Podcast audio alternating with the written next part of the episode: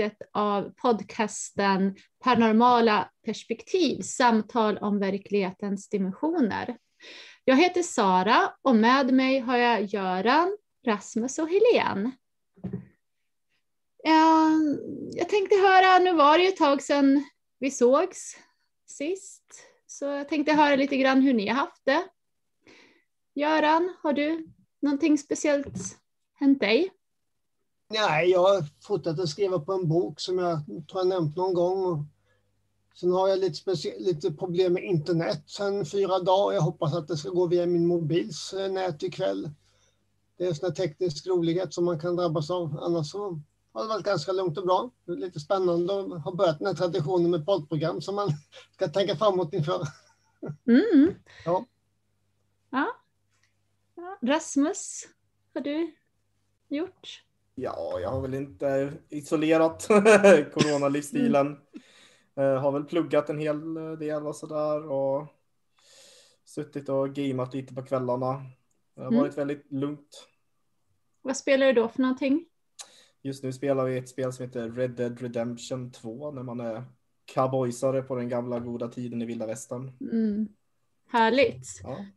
ja. det är bra det där med spel. Man kommer ju ut på ett sätt fast man ändå är hemma. Eh, så är det. Man upplever många olika världar och dimensioner. Ja, men precis. Ja, precis. Precis som det här programmet, Verklighetens dimensioner. Det är en ja, annan precis. av verklighetens dimensioner i de här spelvärldarna.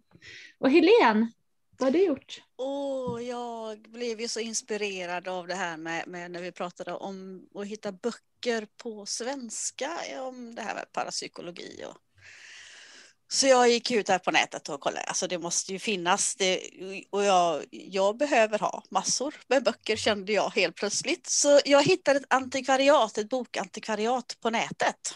Mm. Där jag shoppade loss alldeles väldans faktiskt och hittade ett gäng böcker. Här är en av dem. Så jag tänker att jag kan lägga ut en eh, liten eh, bild och eh, lite förteckning om vad det är för någonting vi har sen på vår eh, Facebook-sida. För att inspirera andra. Och även länka till det här fantastiska eh, bokantikvariatet som jag hittade. Mm. som vi inte är sponsrade av. Nej, inte Nej. ens det. Men vi kanske blir. ja. ja, den, den, där boken tyckte jag kände igen, Helene. Jaha! Ja, jag, jag hittade eh, en serie böcker som såg ut ungefär så. Ja, och spännande. Ja. Precis, jag kommer ihåg det här. För att, ja, mystikens värld är detta. Mm. Och det är 1995 när jag hade fått mitt första barn, fast det var 94, men det här var 95, då kommer jag ihåg att jag eh, prenumererade på den där bokserien som jag heter Mystikens värld. Det var en sån här bokklubb och det ja, är det fantastiska är... böcker där. De är så ja. fina bilder. Fantastiska bilder. Mm. Fantastiska. Jag hittade en annan som också är någon sån här eh, serie tror jag. Eh, det oförklarliga. Den heter Mot allt förnuft. Ja, det känner jag. Också en sån. Ja. Hittar ju jättemycket roligt alltså. Ja. Mm, ska man få tag på bra böcker om parapsykologi och mystik på svenska, då lär man titta in antikvariaten och det är ju mysigt att sitta där och kika vad de har. Ja, men absolut. Jag kände att det var ändå lite lyxigt på något sätt att, att kunna sitta hemma nu i pandemitider och ändå liksom mm. frossa lite grann bland dessa böckerna som finns på antikvariaten. Mm. Ja, jag älskar att beställa böcker på antikvariat. Och sen är det en annan sak med det där och det är att många eh, antikvariat de slår in det i så här brunt papper, sina ja. böcker och skickar så man får det som ett så lite gammeldags paket. Så bara att få den här brevlådan och känna på pappret och öppna ja. det lilla paketet, det, bara det en upplevelse. Kanske man öppnar boken och så ser man ett, ett namn och man kanske ser lite fingeravtryck och lite kaffe. Ja men absolut. det, absolut. det är också som att man förflyttar till en annan dimension eller ja. värld eller tid. Precis. Ja, jättemysigt. Så jag, jag, jag har haft ganska mysiga dagar med mina böcker här. Ja, Det är, ju- det är ju livsfarligt det där. För Eh, jag, ja. jag känner igen mig så hårt i det ni säger. Men jag har tvingat mig själv att sluta gå och titta på, på bokavdelningen just nu på loppisar. För jag måste bygga en ny bokhylla eller någonting. Det börjar ligga böcker i travar runt omkring här. Så bokrean är inte något bra för dig? Nej, det är inget bra. Det är inget bra Nej. för mig. Nej, Jag Nej. håller mig undan då. ja, det är bra. Ja, ehm, och jag själv, jag har faktiskt, eh, jag hade gjort en massa saker som jag tänkte berätta, men jag har glömt bort dem allihopa för att idag blev jag så överväldigad av vädret faktiskt. Min yngsta son kom och väckte mig i morse och sa mamma det regnar.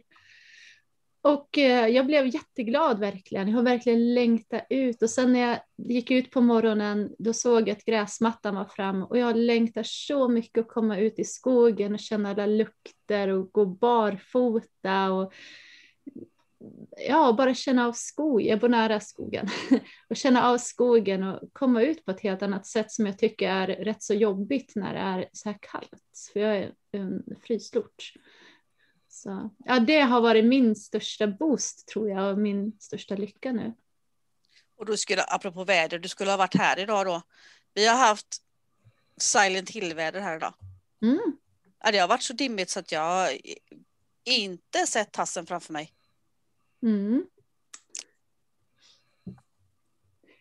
Så ehm, idag så kommer vi ju att prata en del om telepati, alltså tankeöverföring tror jag väl kanske man lite slarvigt kan översätta det som och framförallt kanske mellan tvillingar.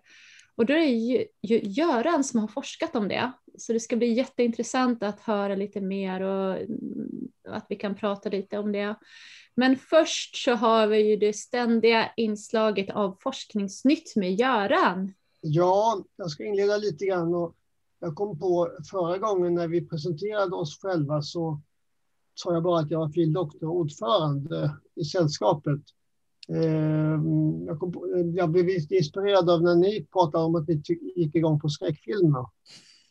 Eh, Jag, jag har lite inspiration av åt samma håll i form av thriller och deckare. Så det är ett spänningsmoment som vi många kanske delar lite grann. Sen är det så att ni, du, Helene bor i Göteborg. Jag är ju smålänning. Det hörs lite grann på min dialekt kanske. Ja, Eh, Hela min skoltid hade jag i Växjö. Fast jag då har bott i Stockholm och Nacka nu i 20-25 år. Eh, och sen har jag då också eh, lång bakgrund inom datavärlden eh, när jag jobbade som programmerare. Eh, så det är en blandning av logik och andlighet i mitt liv och vetenskap. Sen är jag dessutom socionomutbildad på 70-talet och eh, blev intresserad av samhällsfrågor i stort. Det är väldigt många olika frågor man upptäcker och blir medveten om då. Det har ju fortsatt hela livet.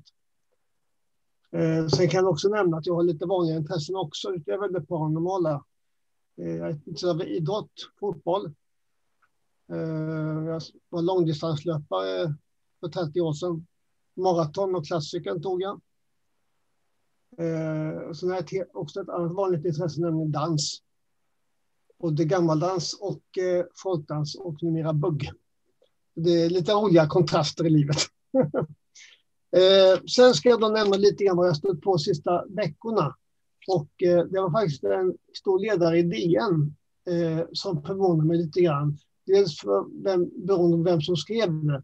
Rubriken var Därför borde framtidens människor lyssna till de gamla mystikerna. Och det sticker ganska ut ganska mycket. Eh, speciellt som det också var tidigare ärkebiskopen KG Hammar som är en av de som har skrivit under. Och hans namn sticker ut. KG Hammar eh, kommenterar alltså gamla mystiker på ett väldigt positivt sätt. Det här Mm. som ligger bortom det mätbara och det vi kanske ibland har svårt att formulera. Eh, det skriver han om. Han berör bland annat några forskare jag känner igen, Anton Gels, som var Mm. religionsforskare i, tror jag, i Småland. Ja, alltså, och ursäkta jag avbryter det här Göran. Ja, han var ju, Anton Gils var ju eh, religionspsykolog och han avled ju nu tyvärr. Ja, Mm, just det. som Jag misstänkte att du skulle komma in. Nej, jag tror vi hade honom på föredrag för 15 år sedan. Någonting. Mm, mm, Eh, och eh, det är en helt annan tradition. Det är en tidsepok innan spiritualismen kom. Det här är ju 1500-1600-tal kanske. Eh, eh, mystikrörelser och kanske även kristen musik som är en idévärld som eh, lite grann föregår våra fenomen. mm. Våra fenomen ingår ofta i den där idévärlden. Eh, så den tänkte jag nämna. Det är från eh, DN 11 februari. Mm. Eh, och tillsammans med den så kan jag nämna att eh, ett program som heter Hjärta och hjärna i P4 på lördagar. Ett program som går klockan 11 där de granskar påståenden och avgör om det är vetenskap eller inte. De hade uppe sist magi och ockultism. Till min förvåning. Jag var väldigt nyfiken på hur ska de hantera det här. De kom in på magi och ockultism och även spöken, men längre än så kom de inte.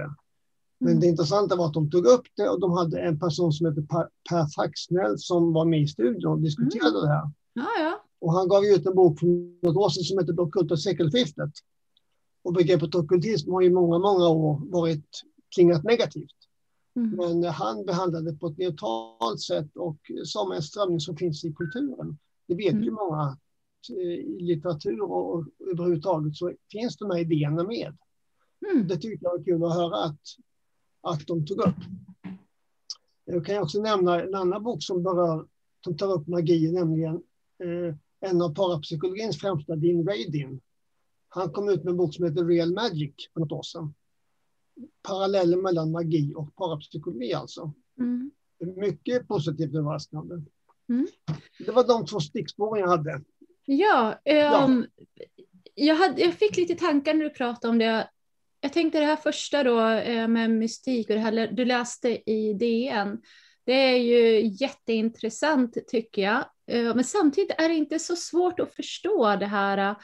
För att mystik har ju varit väldigt, väldigt, vad ska man säga, inte stort, men det har varit betydelsefullt för kristendomen. Alltså det har ju funnits mystiker där eh, lång tid som haft väldigt stort inflytande. Eh, på, vi har ju heliga Birgitta till exempel här i Ja. Sverige. Mm. Har vi ju. Ehm, men det har färgat väldigt mycket de här kristna mystikerna. Det som jag tycker är väldigt anmärkningsvärt, det är precis som du säger, hur de tar upp det här med mystik och magi, nej, vad heter det, magi och ockultism i P4 också. Och vi, även, vi tog upp det lite grann förra gången också, att vi har ju sett det tidigare, hur det börjar bli som nästan en ny tid. Det börjar bli lite, jag vet inte, eh, en renässans för, ja, jag vet inte vad jag ska Ja, men säga. faktiskt, jag, jag håller med dig där. Jag, jag, jag blev så förvånad för att SVT Play, de, de visar väsen nu Mm. igen. Mhm, mhm. Ja, ja, människor verkar söka sig mer och mer till det här som förut har setts var lite fult och som man har försökt att gömma undan lite grann, men som ändå funnits så länge eh, hos människan, väldigt naturligt. Det börjar komma fram mer och mer. Det här vet Alltså- jag är någonting som intresserar dig också, Rasmus. Ja, det, det, det jag tänker om det här är att jag tycker att eh, de är lite sena på tåget, eller vad man ska säga. Faktiskt. För eh, ifall man kollar på, på den sociala mediakulturen, då är det ju väldigt många som liksom har, har i över ett årtionde nu och kanske ännu längre levt i en sån Mm. subkultur där man har accepterat de här olika mystika arven och, och ockultismen och, och folk har gjort det till en väldigt stor del av sin identitet och sen även eh, spinner vidare på det och, ser jämförelser mot kanske det parapsykologiska fältet eller mot det naturvetenskapliga fälten och sådär. Så jag tycker att eh, det är positivt att de mer populärkulturkanalerna börjar lyfta i det, men jag tycker att de är väldigt sena egentligen. För det är Mm. väldigt länge har jag tyckt att det har varit konstigt att inte fler har eh, sett det här mönstret som, som är väldigt vanligt bland gemene man idag egentligen. Mm. Ja, Men där ser man ju också, tänker jag, hur tabubelagt det här området faktiskt är och har varit. Mm. Jo, verkligen. Och vi pratade ju lite grann om det här med stigmat också kring parapsykologi förra gången i första avsnittet. Men eh, det börjar bli mer och mer normaliserat att prata och jag tror att det utgår väldigt mycket från sina egna upplevelser så försöker man hitta förståelse, förstå dem. Och eh, faktiskt här kommer ju parapsykologin tror jag också kommer få en, eller genomgå kanske en renässans som vi säger så för att eh, människor vill ju verkligen förstå vad det är de upplever och inte så sällan försöker man söka sig hos naturvetenskapen och då är ju parapsykologin som en brygga över på något sätt, som jag ser det. Eller vad säger du Göran? Jo, men det är klart att parapsykologi är ju eh, eh ofta naturvetenskapligt orienterad, även psykologiskt orienterad forskning kring de här fenomenen som är, är magi och ockultism egentligen, fast man renodlar och ser det som telepati och klärvoajans. Det blir så mm. väldigt luddigt när man säger ockultism. Vad är det för fenomen som ingår då? Det är ofta kanske upplevelser av andar och spiritualism. Det ingår ju också. Men mm. Enklare fenomen som telepati och klärvoajans är ju också för många ockultism. Och ockultism mm. man avfärdar lätt fenomenen som det är bara ockultism, det är mystiskt och konstigt. Det är ungefär så det har låtit i många decennier. Mm. Men i och med att det finns i kulturen så tydligt så de, det finns där och då blir kanske även forskarna lite nyfikna på vad är det här med ockultism och de här konstiga fenomenen. Det, det är väldigt intressant och inspirerande. Det har mm. varit självklar del i kulturen i så många år. Både mm. konst och, och författare. Och filmer. Det vet vi ju så tydligt så att nu måste även naturvetarna börja titta på det. Mm. Ja. Jag, tror, jag tror också att för den moderna sökaren, eller vad man ska kalla den, så hamnar nog många av de här ämnena med flera väldigt nära varann. För eh, i och med de sociala medienätverken och, och liksom en snabb googling kan ta en till så mycket kunskap samtidigt så hinner folk skanna av så stora områden inom loppet av en kväll ibland. Vilket gör att jag tror att i och med digitaliseringen så trycks många saker närmare varandra som kanske har varit längre ifrån varandra tidigare. Mm. Ja men absolut. Det här äh, digitala tidsåldern som vi har ja, jag tänkte säga vandrat in i, men blivit eh, brutalt inkastad i. Nästan eh, så här lika brutalt som en födsel skulle jag vilja säga. Ni vet det är så här, ah, hjälp! Vad är det här för nytt och kallt och otäckt och det är massa saker överallt. Så har vi blivit inkastade och vi är ju också en del av att bli inkastade i det här. Det har nog gjort väldigt mycket med människan på olika sätt och just det här med att det har väckt upp mycket nya tankar och man möter så mycket spännande symboler och berättelser som man liksom vill ta tag i och sådär. Hörni, ska vi ta och gå vidare till nästa punkt? Ja, ska jag berätta lite om min avhandling om tvillingtelepati? Vet du Göran, jag tycker att du kan börja berätta om väldigt kort om vad telepati är för någonting. Hur man ser in, inom, inom parapsykologin då? Ja, eh, telepati, man tänker sig att det är tankeöverföring, alltså att det är överföring av tankar. Eh, men det är någon form av överföring vet vi inte egentligen, för det här fungerar ju på stort avstånd så att överföring av vanlig energi handlar det inte om.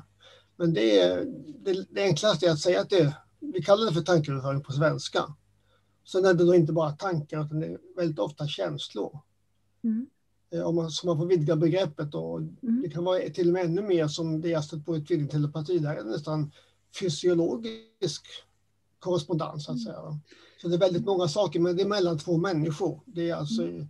två, två människor, två medvetanden som är inblandade. Men du, får jag fråga dig en sak nu direkt här? Jag vet ju att en del människor menar att de kan kommunicera med djur, till exempel telepatiskt.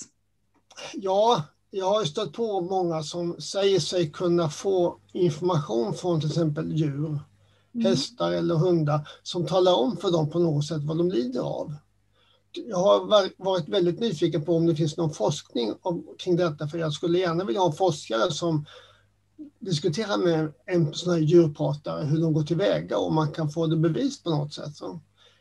Undersökning före och efter och sånt där, men det har jag inte stött på. Men de berättar att de får bilder från djuret, vad de lider av. Och En djurkommunikatör, Ja, Eh, precis. men en Alltså- djurkommunikatör jobbar ungefär likadant som ett medium gör. Ja, Eh, en djurkommunikatör tar kontakt med djurets högre väsen, djurets själ eller vad vi nu ska kalla det för och kommunicerar den vägen.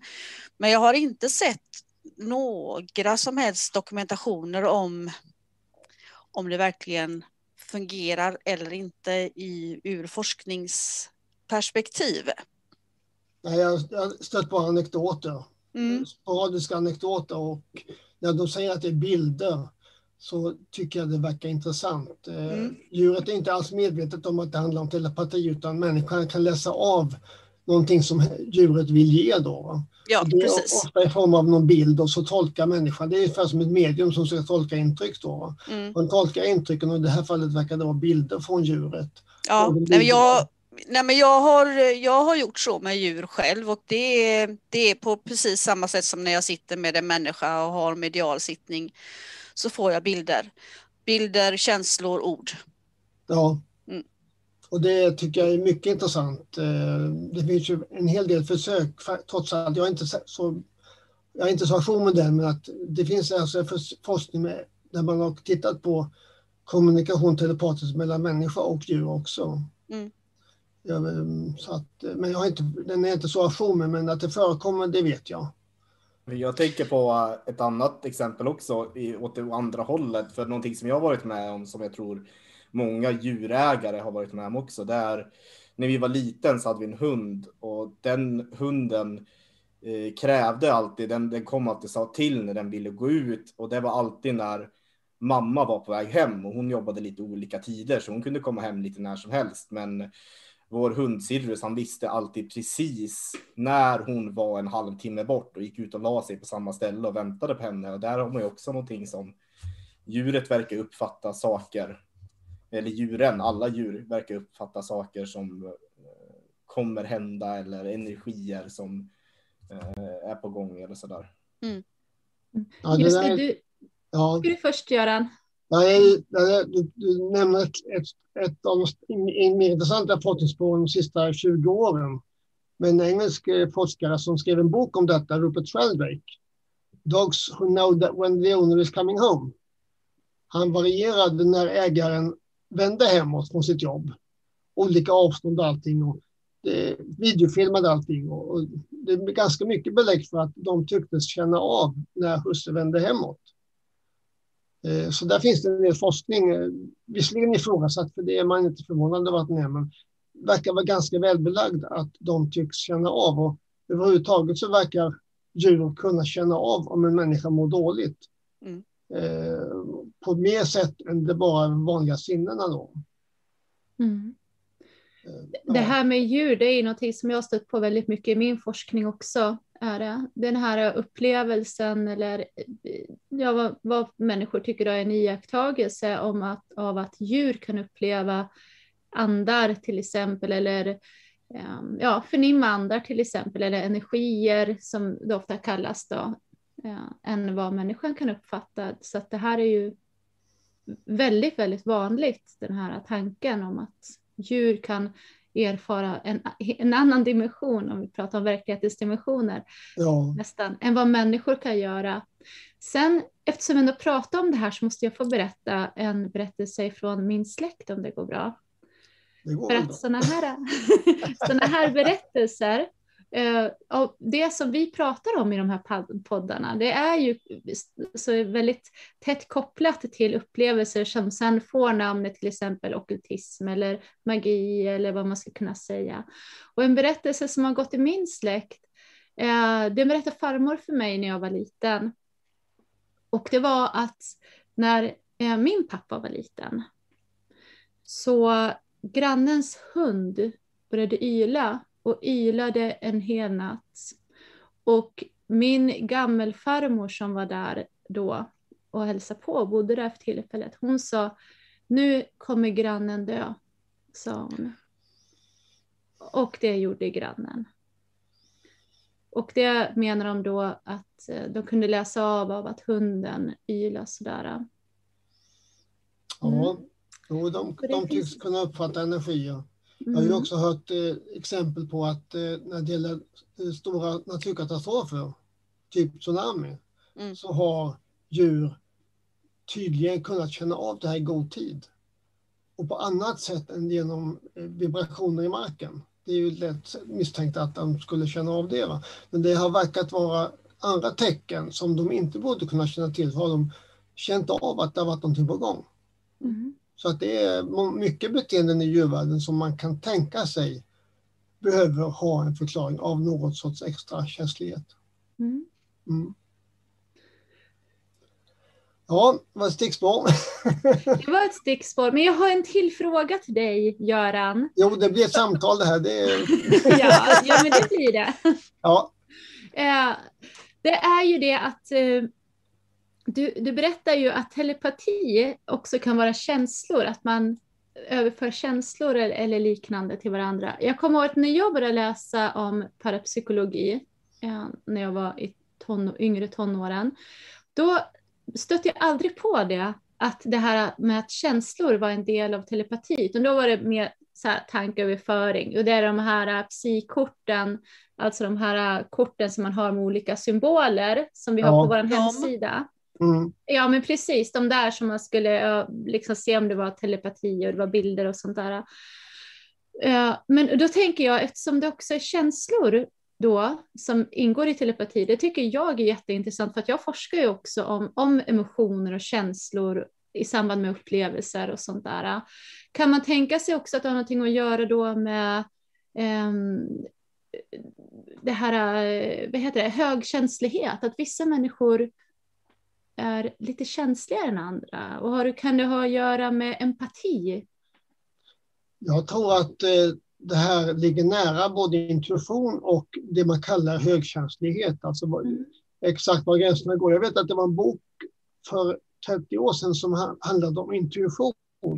Men 95 procent handlade om telepati och parapsykologi. Mm. Så att eh, högkänslighet tycker jag är mycket intressant att de börjar använda det begreppet. Mm. Vad det exakt står för vet inte jag. Om man känner av energier, eh, vad är det för sorts energi? Det var bara känslostämningar och hur känner man av det? Om man inte använder de normala sinnen utan det här är någon extra känslighet misstänker jag. Man får vara väldigt försiktig med, med att påstå att det är något extra, men det vet vi inte. Utan det är någon Mm. extra känslighet för energier och, och det kan ju vara så att även vanliga känslor präglar ett rum. Det säger många att de känner av stämningen i ett rum. Om det varit ett gräl innan eller om det är ett varmt rum med mycket varma känslor som har präglat rummet så känner man av det. Det där låter väldigt suspekt för väldigt många. Men har vi nu en extra känslighet för energier, då eh, närmar det sig våra intressen. Ja, det tycker jag låter klart tänkbart. Jag tänker att det låter nog suspekt för människor för att de inte reflekterar över vilka upplevelser de har. Jag tror att alla kan, i stort sett i alla fall alla människor, kan gå in i olika hus och känna att det är olika kanske stämningslägen och sånt där. Det gäller bara hur mycket man eh, är medveten om att man... Det är ju det. Jag menar, det handlar väl om det och hur mycket man eh, ja, framför allt det, hur mycket man är medveten om att man registrerar. Det jag tror Ja. alla upplever det, men sen är det ju lätt att avfärda, vadå dumheter, inte kan man känna av om någon har bråkat och grejer, men det är klart man kan göra. Alltså den som är med om det vet väldigt väl att om det skiljer sig från vanliga känsloupplevelser. eh, Mm. Någon annan kan bara misstänkliggöra allting. Det är en naturlig instinkt, tror jag, för många. Tror du de det? själv göra, men om man själv har upplevt det, då är det kristallklart. Fast jag tror ju att alla upplevt det, Göran. Det är ju bara, jag, jag tror verkligen det, att alla har ju sådana här upplevelser, men det är ju bara det hur mycket man vill ta till sig och hur mycket man vill erkänna för sig själv kanske och, och liknande, att man har haft upplevelser, åtminstone sådana att man känner av olika stämningar i olika rum. Det, Ja, det tror jag också. Där är jag helt på Saras linje. Jag tror definitivt att alla människor någon gång omedvetet har tagit upp detta. Ja. Sen hur mycket experimentell forskning det finns eh, för att göra dubbelblind och liknande, det vet jag inte, men det närmar sig att man ska vara öppen för det, det tycker jag, helt klart. Jag är lite försiktig som ni märker, men det kan nog behövas. Men idén som sån är jättebra, det tror jag. Rasmus, har du något att tillägga eller ska vi låta Göran börja berätta lite om sin forskning?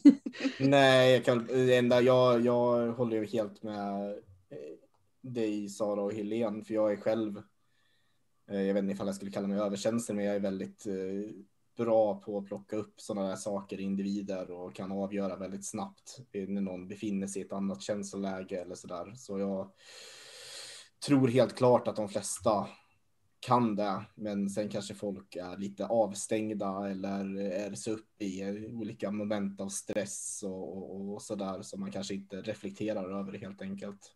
Uh, ja. Mm. Mm. Ja, då så ja. Göran. Ja. Jag tänkte att det var dags för dig nu, men bara så att du vet så kommer vi ställa frågor kanske vart eftersom. Ja, ja det, det lär vi göra. Det är lite grann poängen tycker jag. jag ja, det är bra. För jag, kan, jag kan ju bara säga att när jag presenterade min forskning i höstas så tog det 45 minuter. Och dessutom så kan man då ha ett telepatiföredrag på lika lång tid så att jag inser att jag kanske bara kommer att hinna börja ikväll.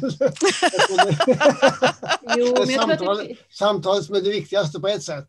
Ja, ja, ja visst. Ja, eh, för jag började alltså den här eh, avhandlingen, jag skrevs in 2013 i University of Greenwich i London, ett av de etablerade universiteten där. Vi har kommit i kontakt med dem genom att de hade gjort en enkät med över 200 tvillingar som hade fyllt i enkäter om sina upplevelser. Och den ville de ha analyserad.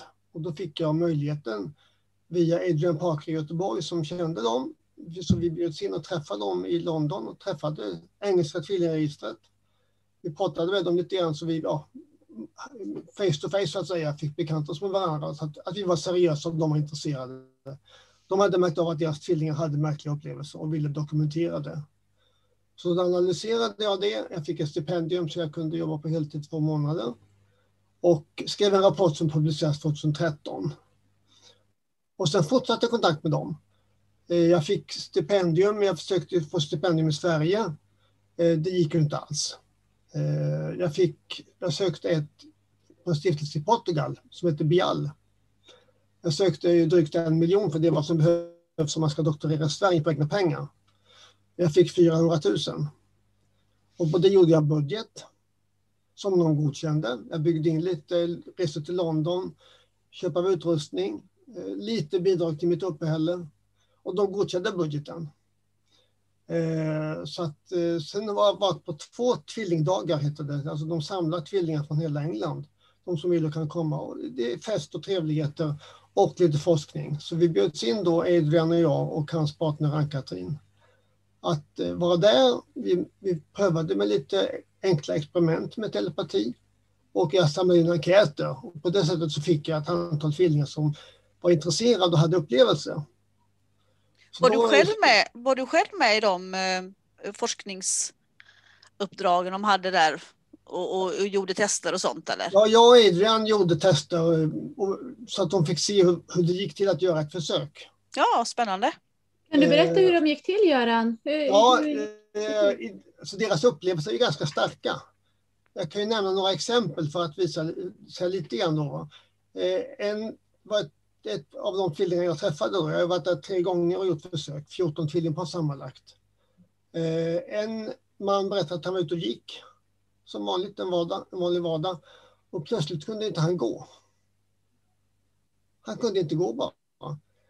Efter flera minuter så ja, då prövade han, då gick kunde han gå igen. Och så pratade han med sin bror några dagar senare. Och då fick han klart för sig att broderns höft hoppade led ungefär då. Och det wow. motsvarar lite grann att han kunde inte gå just då. är men oj! Konstig parallell, men det verkar ha sammanfallit. När höften hoppade led för en av dem så kunde den andra inte gå. Jag tror jag läst om liknande faktiskt saker um, i några böcker, liknande upplevelser. Ja. Det är jätteintressant, så det verkar ja. faktiskt kunna inträffa då och då. Mina tvillingar framför allt då. Sen var det en tvilling, en kvinnlig tvilling, tvilling som vaknade mitt i natten klockan två. Jätteöm i magen. Det brann i magen sa hon. The stomach was on fire. Och var jätteförvånad. Dagen efter hörde hon att hennes tvillingsyster hade tagits in för akut blindtarmsoperation Mm. den natten. och det är upplagt för att misstänka att när blindtarmsoperationen pågick så kände hon av detta. Mm. Att hennes mage helt enkelt var jättevarm och jätteöm. Men du, hur, hur tänker man då, då liksom, eh, när det yttrar sig kroppsligen så, där, så att man får ont eller alltså det Det är så det som är- fysiskt? Det är det som är så märkligt, att det är nästan fysiologiskt. Inget Ja. mentalt alls, det är rent fysiologiskt. Eh, Det är ungefär som det här med reinkarnation vi var inne på förra gången, att, att barn får födelsemärken från hur de dödades förra livet. Mm. Eh, Men här är det alltså, man känner av en annan persons skada helt enkelt. Då, va? Mm. Det är flera som har fått en skada och den andra känner av det samtidigt. Eh, det är det typiska. Det är, om det har överlevnadsvärde kan man eventuellt se. Men det är den typiska eh, upplevelsen som tvillingar rapporterar. Det har jag ett antal exemplar, exempel på. Då. Och det här försökte, hur ska man få det här till forskning för att man kan av etiska skäl inte skada en, en tvilling eller någon människa. Va? Men det vi närmade oss det var att man kunde överraska kroppen någonting så att kroppen reagerar. Och det där med överraskning eh, kunde vi lite grann laborera med. Adrian hade gjort några försök tidigare innan jag kom in i bilden. Bland annat att man stoppar ner en hand, en hand i en hink med isvatten. Det var det vi använde när vi visade, demonstrerade på de här tvillingdagarna. Då hade vi en utrustning och sen fick en tvilling stoppa en hand i en hink med isvatten. Och då reagerar kroppen väldigt tydligt. Detta kan man då se om den här tvillingen känner av på långt håll. Då. En variant är att man smäller av en ballong bakom huvudet på någon. Det hoppar man till på. Och det reagerar kroppen på då. Eller smäller en tallrik i golvet. Mm. Den typen av... eh, Hur, hur långt bort är de här, den här andra tvillingen då?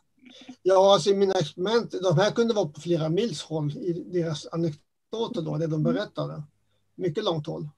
Eh, I mina experiment så var det, ja, det kunde vara tre våningar som skilde. Mm. Tjocka väggar och hiss och allting. Fast inte en chans att de hörde någonting då. Ja, Och- Och Ja, jag har sen, en till fråga om det där. ja då, Det, det är lite så här, när man gör forskning då är det något som kallas urval. Det handlar om vilka man väljer till forskning eh, Ja. att forska på, skulle man kunna säga. ja, Och det jag är lite intresserad av, det är ju liksom hur kom de överens vem som skulle ha de här obehagliga upplevelserna?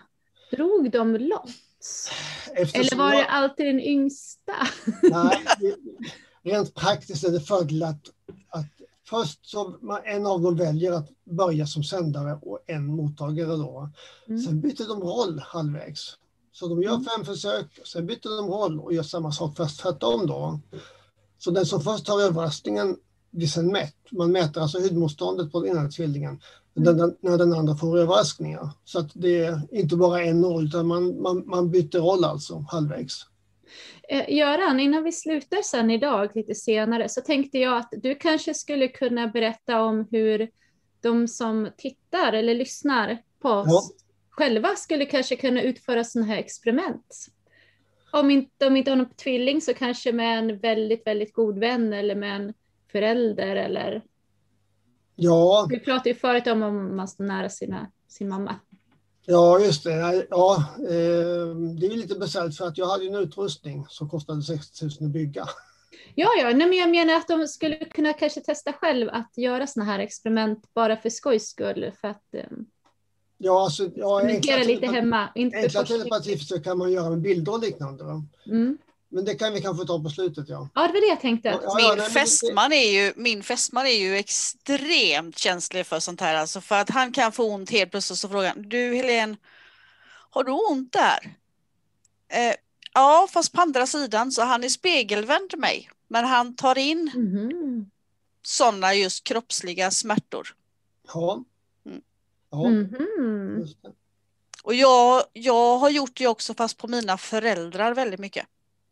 Ja. Mm. Jo, men det är, ja, vad, vad, vad det är för, om det är vanligt eller, eller om det är komplicerat fenomen, det vet vi inte, men det påminner lite grann om det, ja. Man kan Mm. känna av andra människors eh, besvärligheter. Det kan ju i och för sig vara en form av högkänslighet också, det vet jag ju inte. Ja, nej precis. Nej, men de här försöken som jag då gjorde, eh, det, var alltså att jag hade åtta tidsfönster à 30 sekunder. Under en av dem, som väl slumpmässigt, så har man då den här överraskningen för en tvilling. Och så mäter man då hudmotståndet hela tiden. Och för att göra vetenskap av det så ska jag då gissa, eh, se om jag kan hitta på grafen efteråt. Var har vi en peak på kurvan som sticker ut? För tanken är att det ska vara en lugn graf hela tiden eftersom den som mäts då sitter avslappnad. Eh, men om det då händer någonting i ett av dessa åtta tidsfönster på 30 sekunder, då kan det vara tecken på telepati, att tvillingen känner av när den andra utsätts för en överraskning. Och chans, om det då är en chans på åtta att hitta rätt så kan man göra statistik på det. Mm. Det var det jag gjorde. Så jag för varje försök så letade, jämförde jag alla dessa åtta tidsfönster och försökte hitta en peak i mitten av tidsfönstret. Göran, jag tror att du måste förtydliga vad tidsfönster är och det här med, med pikar. Så, ja, eftersom vi inte har några bilder. Utan... Nej, just det, vi har inga bilder här. Eh, om, jag vet inte om ni, ni har sett eh, grafer på kurvor som går, om ni ser hur jag sitter i bild här, det är små, små eh, graf som alltså ganska, ganska, ganska lagom, låg nivå. Så som när man tittar på hjärtat liksom. Ja, just det. Och så när man gör. Ja. Mm. Och om jag då kan hitta en peak så att det sticker ut rejält på kurvan, avviker vid ungefär en tidpunkt. Eh, helst i mitten på ett tidsfönster. Det är alltså tidsfönster är alltså 30 sekunder. Jag har alltså åtta tidsfönster efter varandra, så det är fyra minuter alltså. Jag mm. delar in det då i Först 30 sekunder, det är period 1, sen kommer 30 sekunder till, då, det är fönster 2, och sen åtta sådana efter varandra. Och då har man ett försök. Sen har man en kort paus och sen kommer 8-9 tidsfönster för försök nummer två.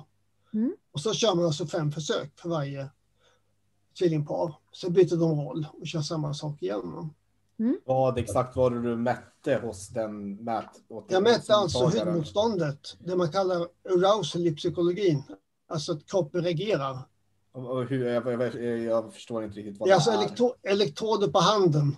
Okej, okay. Okay. Är det så här svettningar så här, som man kan göra med så här, typ, är det samma sak som de här känsloringarna? Eller du vet, vet du vad jag menar för någonting sånt där som finns? Ja, det är, här hur ja, man det... mäter svettningar och elektricitet och sånt där. Ja, det, det är ju svettningarna som ger upphov till eh, strömmen.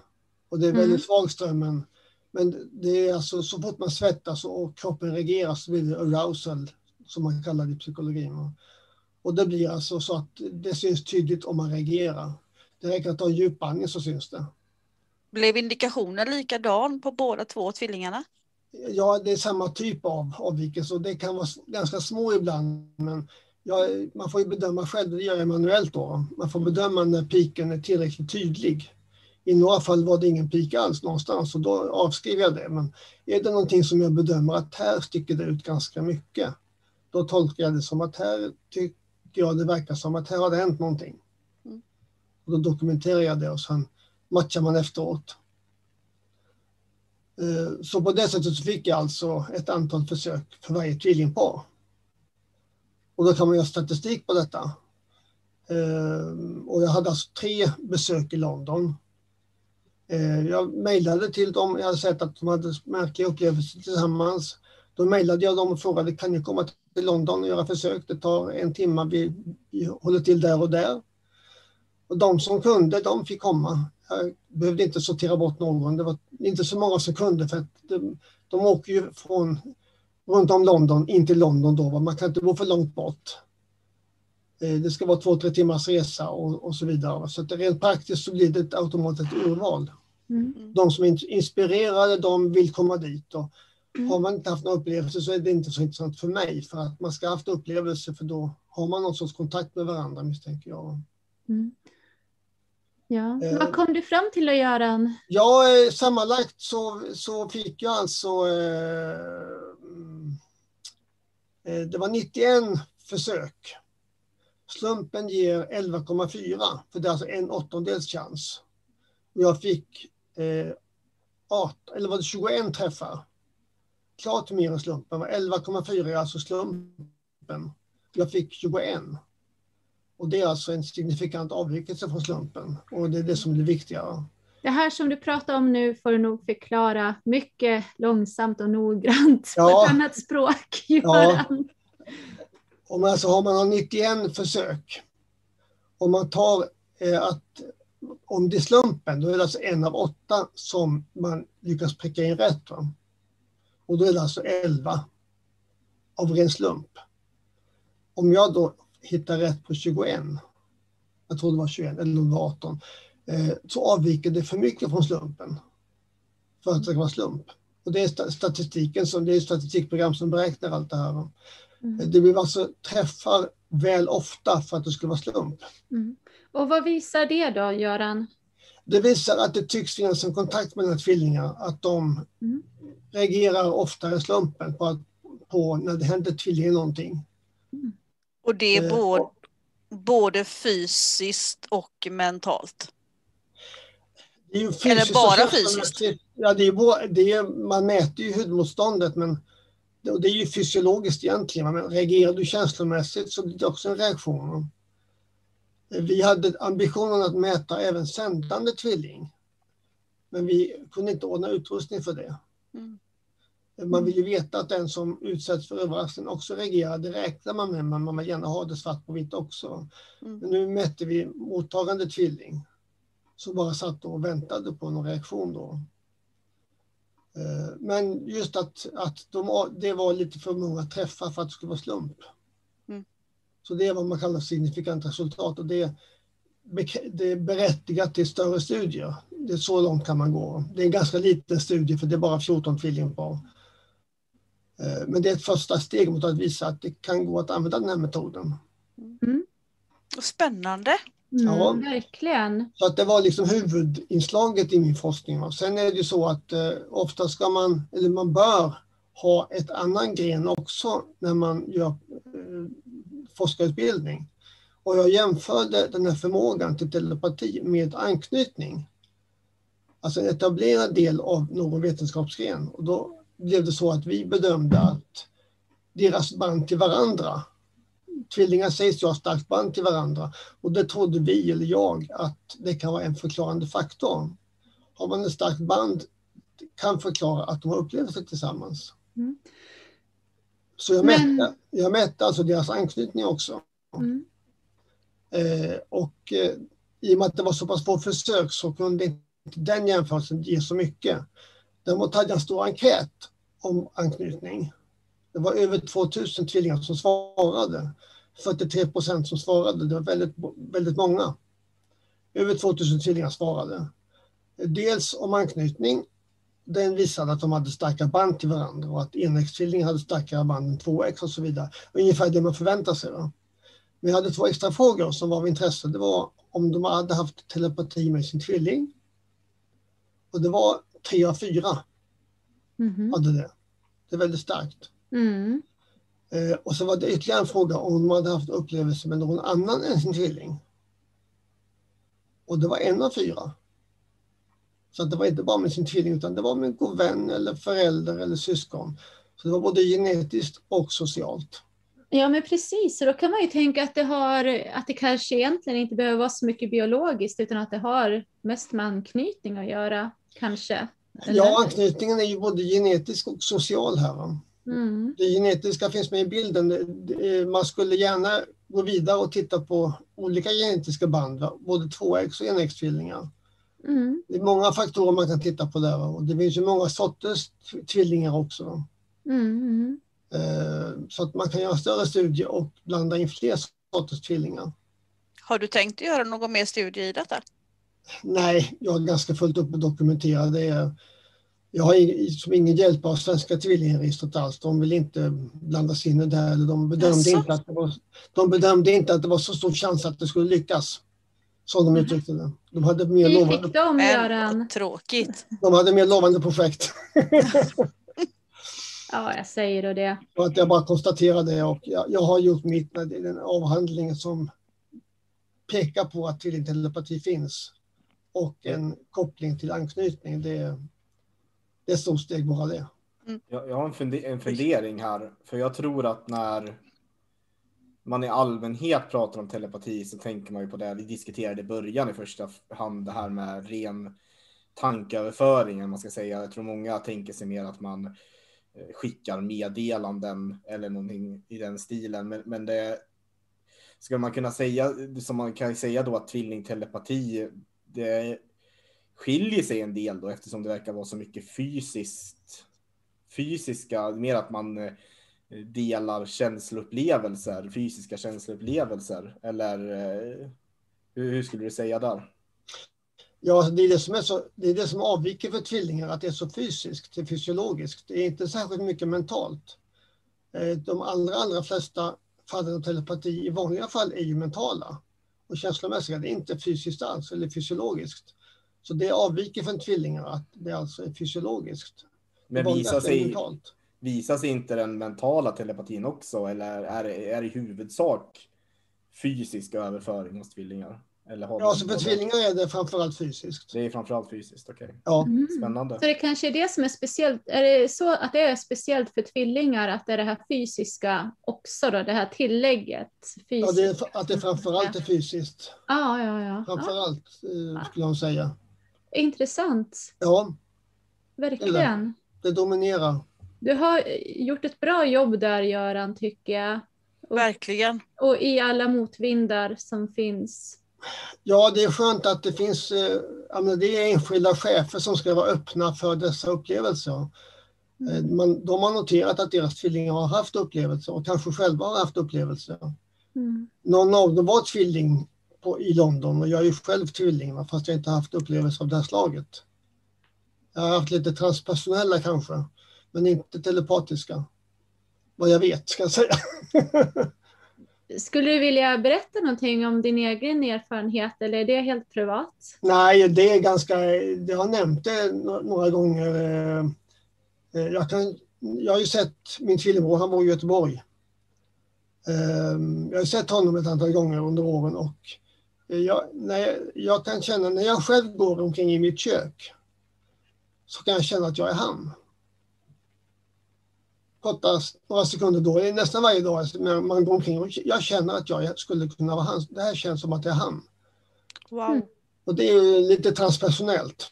Mm. Det är inte telepatiskt, jag vet inte vad han gör just då, men jag vet ju hur det ser ut när han går omkring i sitt kök och, och jag kan känna att jag känner ungefär på samma sätt. Det här känns som att det är han som gör det. Har du frågat honom om han känner som du? Jag har nämnt det några gånger, men han, har inte, han känner inte igen det. Nej, okej. Och jag, jag, hade, jag hade en eh, släkting som tog livet av sig för fem sex år sedan. Och det var ju en chock för mig. Men min bror upplevde ingenting av denna chock. Och ska han känna någonting så är det om jag får en sån chock. Men han kände ingenting alls själv. Mm. Så att vi har uppenbarligen inte det bandet. Så han har inte upplevt någonting sånt här överhuvudtaget, vad han kan förnimma? Nej, han känner inte igen det. Nej, Mm. han har inte intressen åt det här hållet. Han följer mig lite grann, men Mm. han har helt vanliga intressen. Så kan det ju vara, tänker jag också då, att han kanske har haft upplevelser av olika slag när det kommer till detta telepatiska, men i och med att han är så, vad ska man säga, vetenskapligt lagd och Eller att inte... han har andra intressen också. Ja, precis, och inte har de här spirituella intressena då, så, så, så registrerar han dem inte kanske. Nej, nej, det är många som har berättat om upplevelser som de inte alls känner igen det telepatiska. Jag tror inte att han har haft det, men han känner inte igen dem och förstår inte dem. Så att jag Mm. bara konstaterar att den kontakten har vi inte. Och man behöver inte ha en dålig, dålig kontakt för det, utan just den Nej, har vi nej, inte. nej, gud. nej. nej. just den har vi inte helt enkelt. Mm. Men jag har liksom upplevt att jag är honom ibland. Nej, men det är ju som min sons far var ju tvilling, enäggstvilling. Eh, och han och hans syster hade inga sådana band överhuvudtaget alls. Nej, nej, Och då var hon väldigt spirituellt intresserad, inte han. Eh, men hon kände inte av någonting heller. nej, nej. Mm. Så det är, nej, det är många faktorer som gör att man är känslig. Och mot vissa människor kanske, vissa tvillingar plockar upp saker från sin, från sin tvilling, eh, andra är bara sändare. Så det är också Mm. väldigt olika. Mm. Om man är både och eller bara den ena rollen då. Mm. Ehm, det är det. Nej men det var väl i stort sett eh, just anknytningsdelen och telepatidelen som jag tittade på under mina fem år eh, Mm. i London. Jag jobbar fortfarande på att få två rapporter publicerade i tidskrifter. Jag Eh, hoppas jag ju verkligen att du får Göran. Det kan vara, jag håller på med en just nu, det kan ta några månader till för jag skriver det med en kollega i London och det är inte alltid han har så mycket tid. Mm. Men eh, låt tiden mogna så. Ja, det kommer, det kommer du få, det är jag säker Det är på. mest att man ska vara uthållig för att eh, det kan ta ett år att bearbeta material. Mm. Prioritera bland allt annat. Jo då. Mm. Ja, men du Göran, tack så jättemycket. Jag har ju vetat om din forskning länge, vad du håller på med på ett ungefär. Men jag har liksom aldrig riktigt hört någonting riktigt om det. Och själv har jag ju svårt, eftersom jag inte är tvilling, jag är en plågad lilla syster är jag.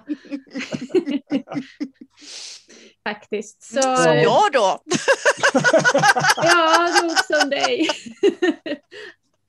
ja, men han är jättegullig, min storebror, men jag är en plågad lilla syster som dig, Helene. Ja. Mm. Och, eh, så att jag har svårt att liksom själv förstå hur det är att vara tvilling naturligtvis och kunna relatera till det. Och jag vill ju så gärna förstå mer när jag hör om dig berätta. Men det jag känner att jag kan gripa tag i lite grann och som jag nog avbröt dig när du satt där. Du får ursäkta att jag avbryter hela tiden. Men det är för att jag är så nyfiken. Eh, som jag avbröt dig med, det är ju det här med anknytningen då. Ja, precis. Och det här nämnde jag ju också förra, i förra avsnittet när vi berättade om att du skulle prata om det här, hur jag till exempel kan tänka på min mamma och pappa och så jättemycket och så har de, ringer de för de har också tänkt på mig jättemycket hela dagen eller under två dagar och vi liksom släpper inte varandra med tanken. Och jag har ju jag har väldigt bra relation till mina föräldrar och eh, jag inte vet jag om det är för att jag är kvinna men det är framförallt till mamma då. Eller också är det för att hon är så mammig. Och jag är så barnslig, jag vet inte. Det kan ju vara så också. Så att på det sättet kan jag relatera till, verkligen till det här att eh, den upplevelsen, mm, verk, verkligen, det är jätteintressant. Vad säger ni Helene och Rasmus? Ja, nej, jag, jag är helt inne på det. Det var ju precis som vi pratade om förra gången så jag har ju också det bandet till min mor som du har. Och ja, just det, hon fyller år idag. Grattis lilla mamma! Då är det lika bra att passa på att gratulera henne så blir hon lite extra uppvaktad så här, då blir hon glad. jo, nej men det, det håller jag med dig om. Men jag har ju även det bandet till min fästman. Exakt samma band, Mm. om inte ännu starkare. Och då tänker jag det här med tvillingtelepati, om det är även lite grann samma sak när man kommer till det här med tvillingsjälar eller själsfrände eller vad man nu ska kalla det för. Om det är lite åt samma håll där kanske, för det, det är ju så som vi upplever det här. Vad tror du om det Göran? Jo, men jag tror nog att det var en av de saker som vi jag spontant nämnde när vi var i London och hälsade på dem. Att det här bandet finns ju också mellan andra i en familj. Mm. Du kan vara, hitta en god vän som du blir själsfrände med. Eh, du kan ha syskon som du har ett väldigt starkt band till. Det behöver inte bara vara tvillingar utan det är överhuvudtaget eh, starka band. Alltså, hittar du en själsfrände man kan vara som en väldigt god vän med, då har du det där bandet. Och det är rent socialt kan räcka som band ibland. Tvilling har ju också ett genetiskt band, men det, eh, vad, vilket inslag det är vet vi inte, men det kan ju vara genetiskt, men det kan vara socialt. Och man kan ha väldigt goda vänner som man verkligen är själsfrände med. Mm. Fast där tänker jag också att där blir det ju ett mer ett mentalt band än ett fysiskt band som det du pratade om där. Ja, det är mentalt. Mm. Det kan vara andligt, mentalt, det kan vara känslomässigt, det, det kan vara på många nivåer. Men, Mm. men det är viktiga inslag i det vi kallar personlighet och själ. Då. Mm. Det I många fall så kan det räcka med rent mentalt, oerhört väl tillsammans. Och Mm. Ibland är det andligt och ibland är det känslomässigt. Det, det, ja, det finns flera nivåer där. Och eh, det kan vara baserat på väldigt olika saker, bara det bandet är starkt. Och de flesta går inte in på, vad, på vilket sätt det är, men det är starkt band till varandra. Mm. Och då har man en koppling, ett band som kanske öppnar för att man kommunicerar med varandra telepatiskt. Mm. Och det är ju väldigt många, eh, både på 60 och 70-talet, som upptäckte att många av deras experiment i telepati, det lyckades det med om man hade starkt band till varandra. Mm. Det var någonting man bara konstaterade. Mm. Eh, fast anknytning inte kom in i bilden förrän kanske på senare tid. Jag har inte stött på så mycket anknytningsforskning inom parapsykologi alls. Mm. Eh, så att, eh, men starkt band är gemensamt för många försök som har lyckats. Mm. Det är det ju. Jag känner också igen mig väldigt mycket där. Så vi har ju också en väldigt, eh, min mor och far och min lillebror, vi har väldigt starka band till varandra. Och vi vet för det mesta när någon är på väg att ringa eller någon är på väg och, och, och sådär. Men det, det, jag tänker på mer är att jag nyligen så hörde från en, en god vän om hur, uh, och det är någonting som jag aldrig visste om honom, hur han kan uh, känna samma smärta som folk som han iakttar. och jag tror, jag tror jag diskuterade det här med dig tidigare Sara och då kom vi in lite på det här med synestesin. Mm. Uh, och det är det jag sitter och funderar över. Finns det någon form av koppling här, något sammanband? Kan det ena kalla sig telepati och kan saker liksom falla lite inom båda ramarna här eller? Mm. Förstår ni hur jag tänker? Rasmus, kan du säga någonting om det? Så att de som lyssnar förstår vad synestesi är. Ja, synestesi är ju den vanligaste formen av synestesi. Det är när du Eh, till exempel eh, upplever ett, en, eller när du läser en bokstav och så ser du en färg, antingen mentalt eller fysiskt i rummet kopplat till den. En annan vanlig form av synestesi är när man hör musik och, och upplever den som färger och, och former. Eh, men man har i senare eh, tid, eh, i senare forskning om synestesi, så har man även börjat lägga på emotionella kopplingar som att man känner känslor som en annan person känner eller känner eh, smärta eller sånt som andra personer känner. Mm. Så det jag tänker är, finns det någon form av koppling mellan det vi vanligtvis kallar telepati och synestesin?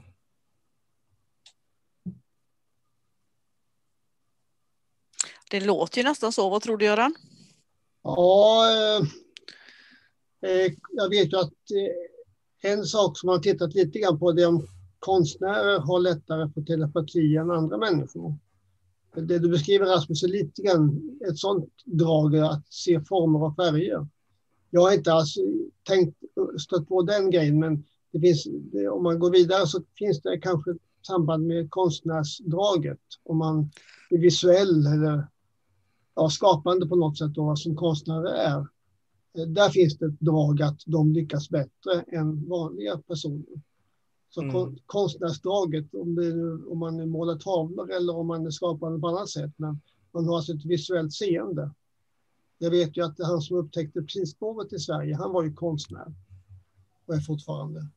Så att konstnärskapet är ett drag som är intressant min egen, för jag, jag, har, jag är intresserad av det här för jag själv har den audiovisuella synetesin. Jag, jag ser både former och färger när jag, när jag, eh, när jag hör ljud, men det blir extra starkt när jag lyssnar på musik och lever mig in i den. Eh, för mig är det en mental bild, den, den befinner sig inte i rummet, så jag kan trycka bak den. Jag vet att en del som har det här, de lider av det för att det blir så påträngande, men jag kan trycka tillbaka det ganska mycket och därför har jag, det var några år sedan jag insåg att, att jag har det här och har intresserat mig för det därefter och, och det jag själv kan känna är att eh, jag har ju också väldigt, som jag sa tidigare i programmet, har jag väldigt lätt att eh, förstå vilken känslomässig stadie en människa är i. Egentligen, jag behöver inte ens vara i närheten av människan. Jag kan, eh, ibland räcker det att jag tänker på personen och förstår eh, sådär och, och det där kan man ju koka ner till lite olika grejer, men liksom det jag tror att kopplingen är, det är ju den här någon form av emotionell eh, jag vet inte om man ska säga styrka, det kan bli lite fel, men att man är väldigt levande i det emotionella så att säga. Eh, det är det jag ser som en koppling emellan det här, eh, de här mm. olika fenomenen. Men det är bara en, en privat iakttagelse. Rasmus, jag kan ju verkligen relatera till dig och tro att du har rätt i det du säger där. Jag har ju också synestesi, fast det är det att om, om jag möter någon som har en, ja, väldigt, kanske är upprörd eller om det är någonting annat, eller om det är någonting med, med personen emotionellt starkt, då ser jag färger runt omkring dem. Fast det är också precis som du säger, det är också eh, i, in my mind's eye som det heter på engelska, alltså i mitt inre öga som jag ser hur det, det här massan, för ibland så är det ju, ofta är det ju när någon mår dåligt då, som jag ser en sån här gråbrun, ibland lite grönaktig, kompakt massa runt de här personerna. Och så upplever jag ett väldigt obehag, eller jag kan uppleva deras känslor så att jag, jag märker att det är emotionellt. Så det, det, där är jätteintressant det där som du säger, verkligen. Och då tänker jag på det här som du har med musik också, för jag menar musik, det är väl någonting det som är kopplat till känslolivet. Absolut, absolut. Det, är ju liksom... det tycker jag är jätteintressant, verkligen. Mm. Och det, det jag kan tillägga där, uh, rent, det jag tyckte var intressant som jag lärde mig nyligen om just synetesin, Eh, Eh, det är det att olika människor ser olika färger och former, men det man har gemensamt, just det vi pratar om musik, och jag antar att det går att översätta till andra av de här fenomenen, det är att ifall man spelar samma ton för två personer och sen höjer man den tonen, eh, då blir det gemensamt ljusare eller en skarpare eh, kontur. Och ifall man sänker den så blir det en mörkare ton och en mjukare kontur. Uh, och det är genomgående mm. har man bevisat, eller bevisat, det är ganska små grupper, men det verkar så i den forskningen man har gjort. Uh, otroligt spännande och jag ser många paralleller till det här med telepatin i det. Det känns som att de bygger på samma grundstenar någonstans av det jag har hört dig prata om och det jag har läst själv.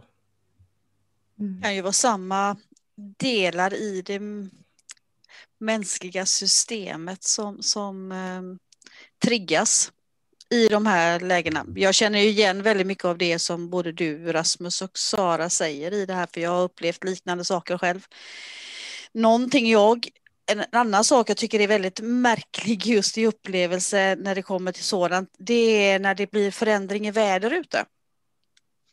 Så när det är åska på gång så förändras färgen ute så att den blir blå. Allting, allting går i blått. grönt, ja. Du upplever samma sak. Åh, ja, vad häftigt! Jag, men jag ser att det blir helt ljusgrönt. Så ja, vet, så här, för mig blir det en... blågrått. Sant. För mig ja. blir Men vad skönt att höra någon mer uppleva samma grönt. sak.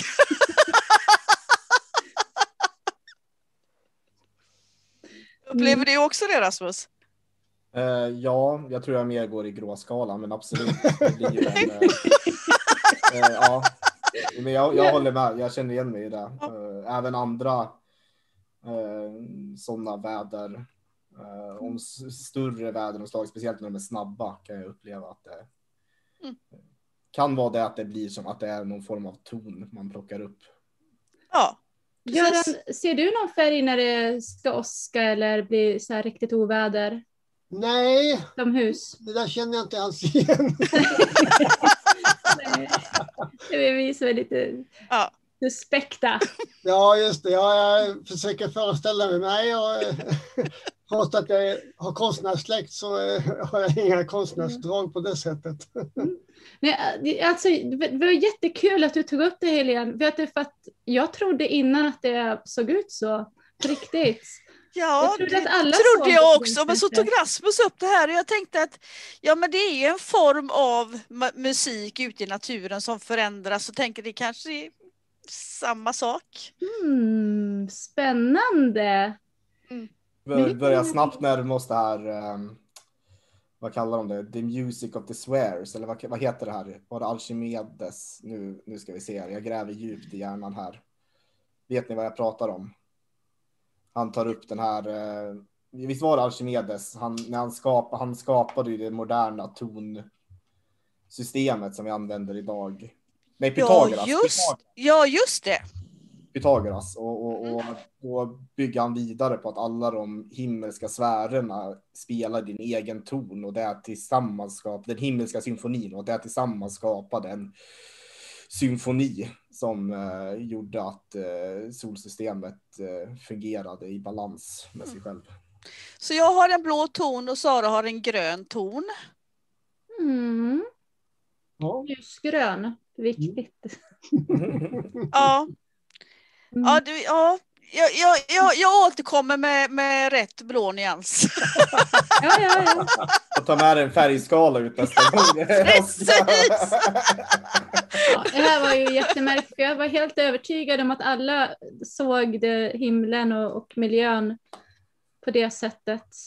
Mm. Nej, men det här kan vara lite individuellt och det kan ju vara någon med- medialitet i det hela också. Mm. Det finns ju eh, frågan vad empati är kan man fundera på. Empati eh, påminner lite om telepati tror jag. Mm. Det är känsloupplevelser av olika slag. Det, det finns paralleller här. Det Mm. är det. Helt klart. Coolt. Ja. Verkligen. Hörrni, Ja. vet ni, jag har så här ett lite bisarrt förslag. att eftersom vi tre, alltså jag och Rasmus och Helen ser färger på konstiga sätt och, och lite sånt där. Ska vi göra något experiment sen vi nu någon gång mellan avsnitten och testa på något? Ja, men absolut. Jag är Det låter på. en bra idé. Ja, Det Vi skulle ju kunna, kanske kunna göra ett litet extra, ett kort avsnitt där vi berättar bara om vad vi ska göra för någonting och lägga ut kanske på Instagram. För på vår Instagram-sida Paranormala perspektiv kan vi lägga ut lite kortare filmer ibland och lite kortare poddar, ursäkta mig. Mm. Poddar som också är eh, bildliga, höll jag på att säga. Ja, nej, men det låter Ja, men- jättespännande. eh, Absolut. Och, och gräva Ja. lite vidare i det här. För som sagt, ända sedan jag, jag satt, ja det kanske börjar bli en fem, sex år sedan och, och sent en natt och kollade på YouTube tillsammans med brorsan. Och så lät vi YouTube-spellistan gå på och så var det någon video som började prata om det här med synet- synetesin och, och jag vände mig till brorsan och ja men det där, så där har väl alla typ. Han bara va? Va?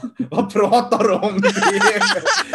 och ända sedan dess har jag varit otroligt intresserad av, av, den grejen. För innan dess så trodde jag det bara var så folk, alla upplevde eh, ljud och musik. Mm. Ja, det är skumt det där. Jag vet att jag läste ju, um, det finns ju en eh, kurs i parapsykologi i Lund. Gör det. Um, vad heter den för någonting? Nej, jag vet inte, den går på engelska. I alla fall så läste jag den förut och eh, eh då gjorde de experiment på mig. Bland annat är jag lätt hypnotiserad då, så att jag fick vara med i många sådana experiment men också för min synestesi. Så att det finns faktiskt eh, forskningsrapporter att läsa om, om just det här med hur man ser, kan se färger runt människor.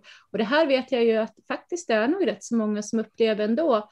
Och det har ju fått, vad jag tolkar i alla fall vara, det människor ibland kallar för aura. Mm. Tolkar jag det som. Att, alltså det är så människor förstår det som det här, som auror. Mm. Jag ser det som att jag se, ser känslor i färger. Ser jag det som. Mm. Men man, man kallar det för olika saker. Men min grundfråga står ju ändå lite kvar känner jag att speciellt när det rör den här typen som du har Sara när det handlar om känslor och, och, och, och så där skulle man kunna kalla det en form av telepati då egentligen eller är telepati någonting väldigt mer strikt i beskrivningen? Vad skulle du säga Göran? Alltså, om jag kan, om jag, alltså telepati är ju formellt sett, man får inte använda de vanliga fem sinnena. Är man i samma rum så kan man läsa av kroppsspråk väldigt mycket. De vanliga fem sinnena, de, Ja, Alltså, de vi typ- använder just nu. Ja, alltså om du är i samma rum då kan du läsa av kroppsspråket och se hur en person mår och läsa av det kanske på ett sätt som du inte ens är medveten om. Va? Men du fångar upp det via kroppsspråk. Mm. Det är klassiskt. Eh, du kan läsa av miner i ansiktet, väldigt små saker. Det, det är många som är väl medvetna om. Men om du är i olika rum då, kan du inte, då, har du, då, har, då ser du inte någon. Du kan eventuellt höra. Det kan vara lukter som ger signaler men eh, det ska alltså vara de fem vanliga sinnena får inte användas.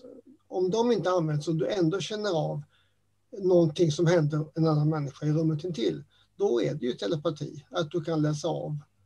Eh, det kan man ju pröva hemma. Eh, man tittar på en bild eller man utsätter sig för en överraskning av något slag. Sätter på en fläkt eller vad som helst så att kroppen reagerar. Va? Och du har någon i rummet intill som försöker säga vad är, det, vad är det som händer i rummet intill. Då är det tecken på telepati.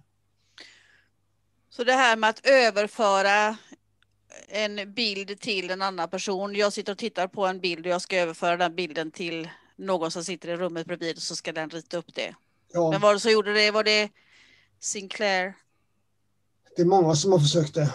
Ja. Det är det ju. Det är färggranna bilder. Ofta ska det vara känslomässigt baserade. Det har Mm. gjort många försök och framförallt känslor och rörliga bilder lyckas bättre än stilla bilder och, och neutrala bilder som symboler som man använde på 30-talet. De är inte ganska tråkiga. va? Mm. Eh, Men om det är rörliga bilder eller om det är färger eller vackra landskap, det går lättare då. Eller om det är hotande bilder, de också används ofta då. Bilder som alltså triggar starka känslor. Ja, just det. Ah, vad intressant. Ja, jag, jag börjar misstänka att känslor är kärnan, eller åtminstone en stor bit av fruktköttet runt kärnan i det här.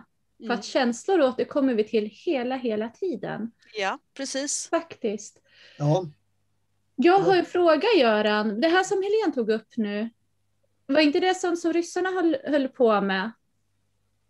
eh, Alltså och, och eh, titta efter bild, fjärrseende liksom, eller du vet, re, Ja, rita det, kanske, det kanske är en annan sak. Ja, det är klärvoajans mer om du ser en bild, men att, att eh, man kan överföra en bild, men då är det telepati. Men däremot om du kan se vad som händer på en avlägsen plats, Mm. som är slump, slumpmässigt vald, då är det ju klärvoajans eller fjärrseende då. Mm, Och det har ju både ryssar och amerikaner hållit på med. mm. Men, men i de testen är det inte en person som åker ut till de platserna då och... Ibland åker en person ut och tittar på platsen. Och skulle och inte det räknas som telepati? Så det kan vara, då är det ju telepati för då är det en person på plats. Ja. Ibland väljer man bara en plats och ingen åker dit. Då är det ju fjärrseende eller klärvoajans. Mm. Men visst var det så inom militären, för det var det jag tänkte på framför allt här. Det, Ja, det är kanske det- var det du menar också Göran? Ja, det, är, det är ofta det man är mest uppmärksammad, det är ju den, som har, den forskningen som har gjorts då av militären. För de vill använda det i spionsyfte, inte för att kartlägga hur det fungerar. utan De Nej. vill bara använda det. De bryr sig inte om att bevisa, utan de vill använda det. Och det är ju amerikansk militär och de trodde att ryssarna var långt framme. Så då vågade inte de vänta, utan då ville de också satsa. Mm. Det höll man ju på med på 80 och 90-talet. Sen lades det ner, sägs det. Fast jag Ja, tror inte att det lades ner så mycket, men det, de fortsätter säkert inofficiellt. Men det lades ner någon gång 95 tror jag. Och det Mm. var ju ett jätteprojekt finansierat i USA. Och vi har haft besök av den ledande forskaren flera gånger i Sverige. Mhm. Och han har också berättat om forskningen i, i Ryssland då, vad han känner ju dem personligen. Ja, men jag såg ju på vår hemsida att det finns en film där ehm, det var någon som höll ett föredrag på engelska Ja, om det här var Stargate-projekt. precis. Stargate heter det. Ja. Eh, Den ledande forskaren Edwin May känner vi ju väl. Han har varit här i Sverige flera gånger. Och hans, en av hans ledande eh, fjärrskådare, Joseph McMonigal, de höll ett seminarium här för 10-12 år sedan. Mm. Som också finns på video tror jag på vår Mm. Facebook-sida. Men eh, då kan vi faktiskt rekommendera er kära vänner som lyssnar på oss att om ni är intresserade mer av det här med Stargate-projekten och, och det där eh, som militären höll på med så titta gärna på den där filmen. Det finns ju på vår hemsida. Ja, Ehm, Jag har en till. li- Ja, förlåt. jag tänkte bara fråga, jättekort fråga mer om det här. Eh, Och det är ifall har man gjort något sånt här i Sverige? Eller gör man sånt i Sverige? det är ju mycket lite forskning i Sverige. Eh, jag vet inte, Adrian Parker har gjort försök i Göteborg med Gansfeld, en variant av telepati då. Eh, men det är ju 10, 12, 15 år sedan. Det Mm. har kommit fram till en hel del forskning, men fjärrseende, det är så få forskare i Sverige och, och Ja, jag tänkte inte direkt forskare, jag tänkte militären. det är inte vad vi vet. Och även om man frågar dem så får man nog ett nej. Tror du det? Av någon konstig anledning så tror jag det. Sandra, om du ser det här får du ringa mig och berätta hur det är.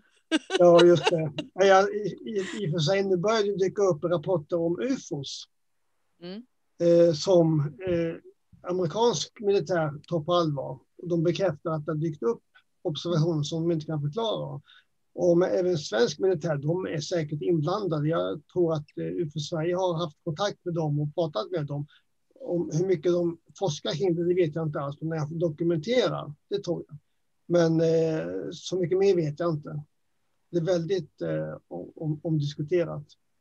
Om det skulle stämma med ufos då verkar de intelligenta och då vet man inte vad det är för varelser, varelser eller väsen som besöker oss. Och det är ett annat mycket eh, omdebatterat område som vi... Det finns vissa beröringspunkter med ufo men inte särskilt mycket. Och parapsykologi är tillräckligt för att... men det finns beröringspunkter men- för många har ju telepatiupplevelser i samband med ufo-observationerna. Ja, men även bortföranden, upplevelser av det och sånt där. Det finns sådana upplevelser. det- ett poddavsnitt av det med tror jag. Ja. Så småningom. Det vi kan bjuda in deras experter på det. Om man, så Mm. småningom. det finns det. Det, det jag tänker är, eh, det vi diskuterar nu, det är ju hittills, det är ju eh, olika känsloförnimmelser och, och, och överföring av bilder och sådär. Men har vi no finns det några exempel på där folk menar på att de talar med varann mer? För det, det är ju den bilden som media ofta får fram av telepati, att eh, eh Det är som att du har en liten mobiltelefon inopererad i huvudet och så kan hon komma och viska i örat på dig. Har vi några exempel på ren rak verbal kommunikation på det här sättet, fast telepatisk? Nej, det är tydliga känslor, bilder, stämningar, men röster, eh, då, då får det bli eh, instrumentell transkommunikation som vi kommer att ha så småningom framöver. Att man, men eh, inte telepatiskt att man hör, hör röster. Det är no, då är det kanske andar som man ibland hör prata tydligt till den. Eh, Såna, eh, den associationen får jag när du frågar. Men det är, jag känner inte särskilt mycket till om hur vanligt det är med den typen av... Det har ju inte gjorts så mycket forskning vad jag vet. Och jag känner inte till den om de har gjort. Jag misstänker att det gjorts också, men, men att man hör röster från någon, det är... Jag vet att en del andra sägs att man uppfattar att de pratar med en. Telepatiskt eller direkt, det kan vara att man uppfattar det telepatiskt tror jag. Okej. Det känner jag igen. Mm. Men rent verbalt med, med stämbanden, eh, hur det nu går till, det, det känner jag inte igen riktigt. Nej, jag undrar, undrar vart den bilden kommer ifrån då, för jag tror alla har sett en sån film eller eh, spelat ett spel. Med verbal tankeöverföring tänker ja, Ja, Ja. precis. Ja. Är tacksamt att göra film av. Ja, det är enkelt. Enkelt. Ja, visst. Visst. Vänta, jag har en sak att berätta. Får jag göra det? Självklart. Jag har haft så jättemycket skumma upplevelser i mitt liv och det är därför jag sitter här med er också tror jag. Jag För att har vi nog- är så skumma eller vadå? Ja, för att vi är så skumma och för att jag själv alltid har sökt efter svar. Vad är det för konstiga saker som händer runt omkring mig? Och som att eh, vissa saker har jag uppfattat vara helt ja, normala, att alla upplever, som, och du också visserligen. Ja, I alla fall så har jag upplevt väldigt mycket skumma saker, men det kanske är för att jag lägger märke till också att det här kanske inte är någonting som man brukar uppleva. Men jag vet, eh, Göran, kommer du ihåg att det är en kvinna som forskade i Ryssland som var, hon kanske fortfarande är med i sällskap för psykologisk forskning som tittade på kvinnors upplevelser när de födde barn. Jajamän. Det kommer du ihåg? Ja, ja, ja, jag vet om det mm.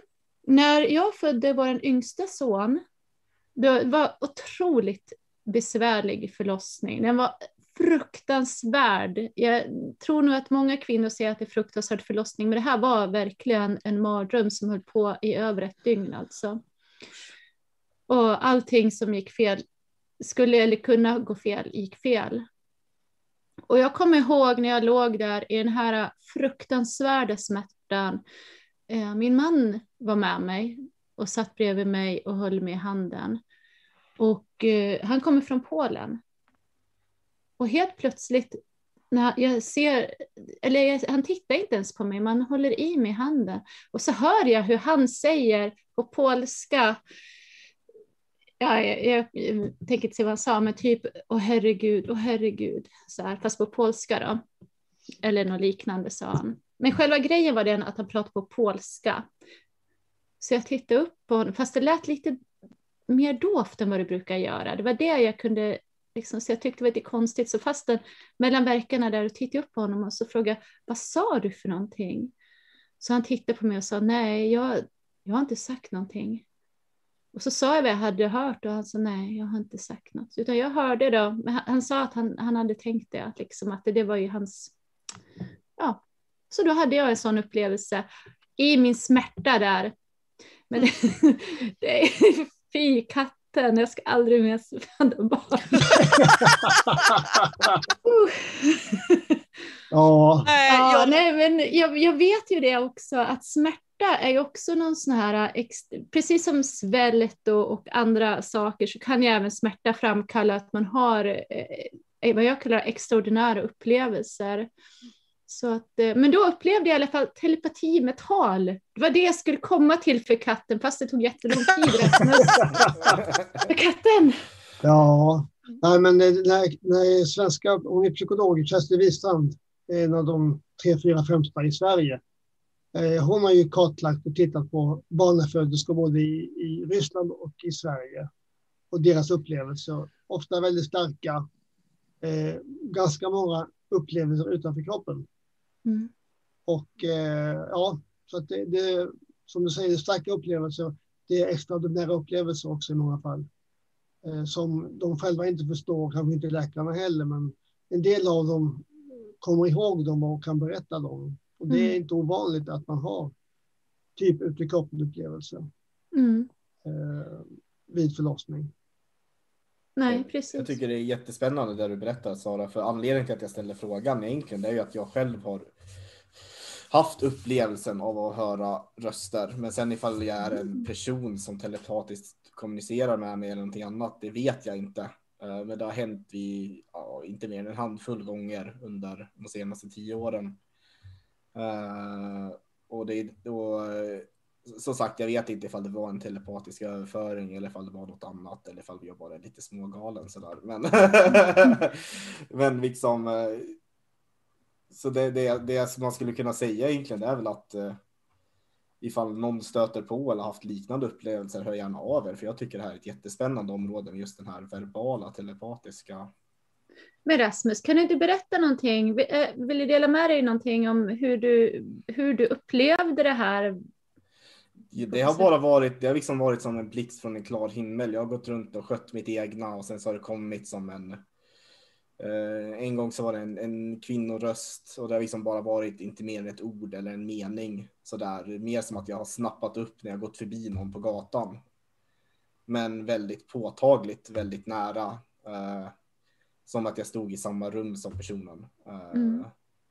Och sen ingenting mer och det har liksom inte varit tillsammans med uh, någon form av annan känsla. Liksom jag har inte känt som att det har varit en annan närvaro där. Det har inte känts som att jag varit närheten av någon utan det har liksom bara varit en utomkroppslig röst så att säga. Och det har bara hänt någon, någon enstaka gång sådär. Mm. Mm. Eh, så det är just därför jag tycker den är spännande för den är väldigt annorlunda emot andra upplevelser jag haft. Jag har haft upplevelser av eh, andar och så där också, men då har det alltid varit medföljt av den här eh, känslan av någonting annat och, och liksom att man har känt eh, en, energierna eller vad man ska säga. Eh, här är det mer som att man har gått förbi en radio som råkar stå på. Ja, alltså, jag, jag blev lite nyfiken. Du sa förut att du är audiovisuell. Och då tänker jag att när du hör ett ord eller mening på det viset, ser du någon bild samtidigt? Nej, inte mer än vanligt att det åtföljs av, och det beror ju mer på tonen och, och, och liksom eh, hur, hur, tonerna låter där som pratar. Då, då kommer det alltid en, en eh, geografisk form och färger, men inte mer än det vanliga som alltid är. Intressant. Mm. Ja, hörni, vi har öppnat många portar till verklighetens dimensioner idag med hur många ämnen som helst. Jättespännande, men det som har varit mest spännande och som har lett oss in på allt det här, det är ju det här med telepati, Göran. Ja.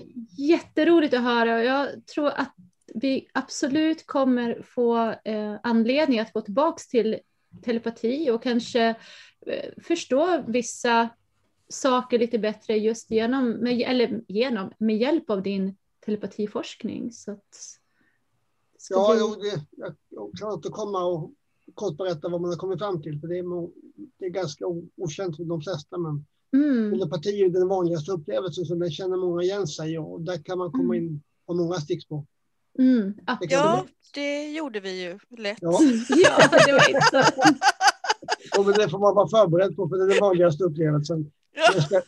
Näst, efter sanddrömmar. Att, um, Rasmus, jag tänkte höra med dig. Vet du om vi har fått några frågor? Eller är vi ensamma? Nej, det har varit, det har varit ganska lugnt i chatten. Det enda som jag kan se här är att Marcus Medina han eh, kommenterade om att det är spännande med djurs reaktioner på healing. Men han tycker det är väldigt intressant det också. Eh, det var i samband med att vi diskuterade om mm. det i början på programmet tror jag. Ja, men healing ska vi väl komma tillbaks till sen så småningom också och prata mer om. Ja, det tror jag. Finns det ju anledning, verkligen. Ja. Då kan vi ta både människor och djur och växter. Innan vi glömmer det, jag kan ju ge publiken en uppmaning att ifall någon har en fråga så ställ den nu. Men under tiden kanske vi kan, vi lovade att ge dem lite tips på att testa telepati hemma. Visst gjorde vi det? Ja, ja bra där. Just det, bra att påminna. Ja, det är bra. Det är bra. Nej, jag minns att för 10-12 år sedan så gjorde vi eh, enkla telepatibesök i sällskapet. Eh, jag hade hittat bra färgbilder, naturen, djur, sånt som är positivt. Hittar man några skrämmande bilder kan man ta det också. Och sen kan man helt enkelt eh, låta en person titta koncentrerat på en bild och försöka överföra till en person som sitter i rummet intill. Under till exempel fem minuter så kommer man överens om det, en tidsperiod. Nu, nu börjar vi om en, en halv minut och så sätter man igång. Och så ska man se om den andra personen kan uppfatta bilden. Någonting, färg, stämning, form, det, det kan vara olika saker man uppfattar. Men eh, man kan ta fem helt olika typer av bilder och se om man kan överföra det. Men då, måste, då ska det ju helst vara människor som man har stark anknytning till. Ja, det underlättar nog. God vän, gärna om någon som är också intresserad och öppen för det här, för då går det nog lättare. Det ska vara en person som man känner väl. Det behöver inte vara syskon eller inom familjen, utan ja, en själsfrände eller god vän. Ja, ja. och no någon som också tänker sig att, att, eh, eller som har tittat på det här avsnittet och förstått att din forskning visar att telepati fungerar eller att det existerar. Ja. Som har den insikten menar jag. Ja, precis. precis. Mm. Mm. Och vill man göra lite extra speciellt som en liten miniforskning så kan man ju vara tre personer som man har en person som faktiskt checkar av. Checkar ja. av hur då? Att det är den personen som kollar hur, hur, hur de andra två reagerar. Till exempel vad är det för någonting som går igång hos de här personerna när mm. de mm. försöker få fram bilderna. Eller känslorna eller färgerna eller vad det nu är. Och sen så kanske man kan prova det också vid olika tillfällen. Jag kan ju tänka mig att en suggestiv stämning skulle gå bättre, alltså att man har lite halvmörkt ljus och kanske något ljuständ och att man är lite avslappnad, dricker lite gott te. Och att det underlättar för det här. Alltså skulle man kunna testa i olika miljöer liksom och sinnesstämningar? Skulle jag kunna tänka mig, eller vad säger du? Jo, men eh, det man kallar för förändrat medvetandetillstånd, eh, alltså att man inte är klarvaken utan gärna avslappnad, man kan halvblunda, eh, dämpat ljus kanske som du säger. Va? Man, mm. man minskar de yttre intrycken mm. och blir mer uppmärksam på de inre. Mm. Det är ett genomgående drag i forskningen. Mm. Då kan man pröva och sen kan man variera betingelserna lite grann. Men mm. gärna variera ljus och yttre intryck då, slappna av, ha ett lugnt omkring sig. Då kan man se om man lättare uppfattar intrycken. Mm. Det är bra. Bra. Ja. Och så kan du få rapportera till oss nästa gång. ja, men precis. ja, absolut. Skriv gärna hur det gick för er eller och liknande. Och ni får gärna skriva på Instagram hur det gick för er och där kanske ni kan, kan man posta bilder på Instagram, alltså posta i kommentarsfältet Nej. eller något sånt där, bifoga. Man kan inte göra det? Nej, Nej vad synd. tyvärr bara på Facebook. Ja, ja, ja. ja på Facebook-sidan kan ni kommentera eller på Instagram, det gör ni som ni vill. Eller här. Um, så hörni, nästa gång då har vi en gäst, höll jag på att säga. Det har vi inte alls, vi har mig. Just det. det är jag som min tur att prata om min forskning lite grann. Och det har jag precis gjort eh, i ett, ja, ett lite halvlångt föredrag på Sällskapet för psykologisk forskning som finns inspelat. Så det känns inte riktigt roligt att ta upp samma saker igen. Så jag kommer, eh, ställ gärna frågor ni som tittar på, eh, på ja inte vet jag, Youtube, Facebook eller Instagram. Um, så kommer jag prata lite grann om um, upplevelser av andar. Uh, för att det är ju det som jag forskar om då. Och mm. hemsökta platser eller hus. Eller um, andra former av väsen helt enkelt. Det, det är ett stort ämnesområde det också. Ja, det är jättestort. Så jag, men jag tänkte att jag berättar lite grann om, om vad jag gör, vad jag håller på med eller någonting. Och så kan väl ni fylla på sen. Och det blir inga problem, Sara. vad bra. Så ska vi säga hej då till Ja, när blir det här? Det blir nionde, eller hur? Nionde är det den nionde? Ja. Det, ja, det är det nionde. Jajamän. Då säger vi så. Så. Ja, tack så. för idag. Ja. Mm. ja. Ha det bra. Hej på er.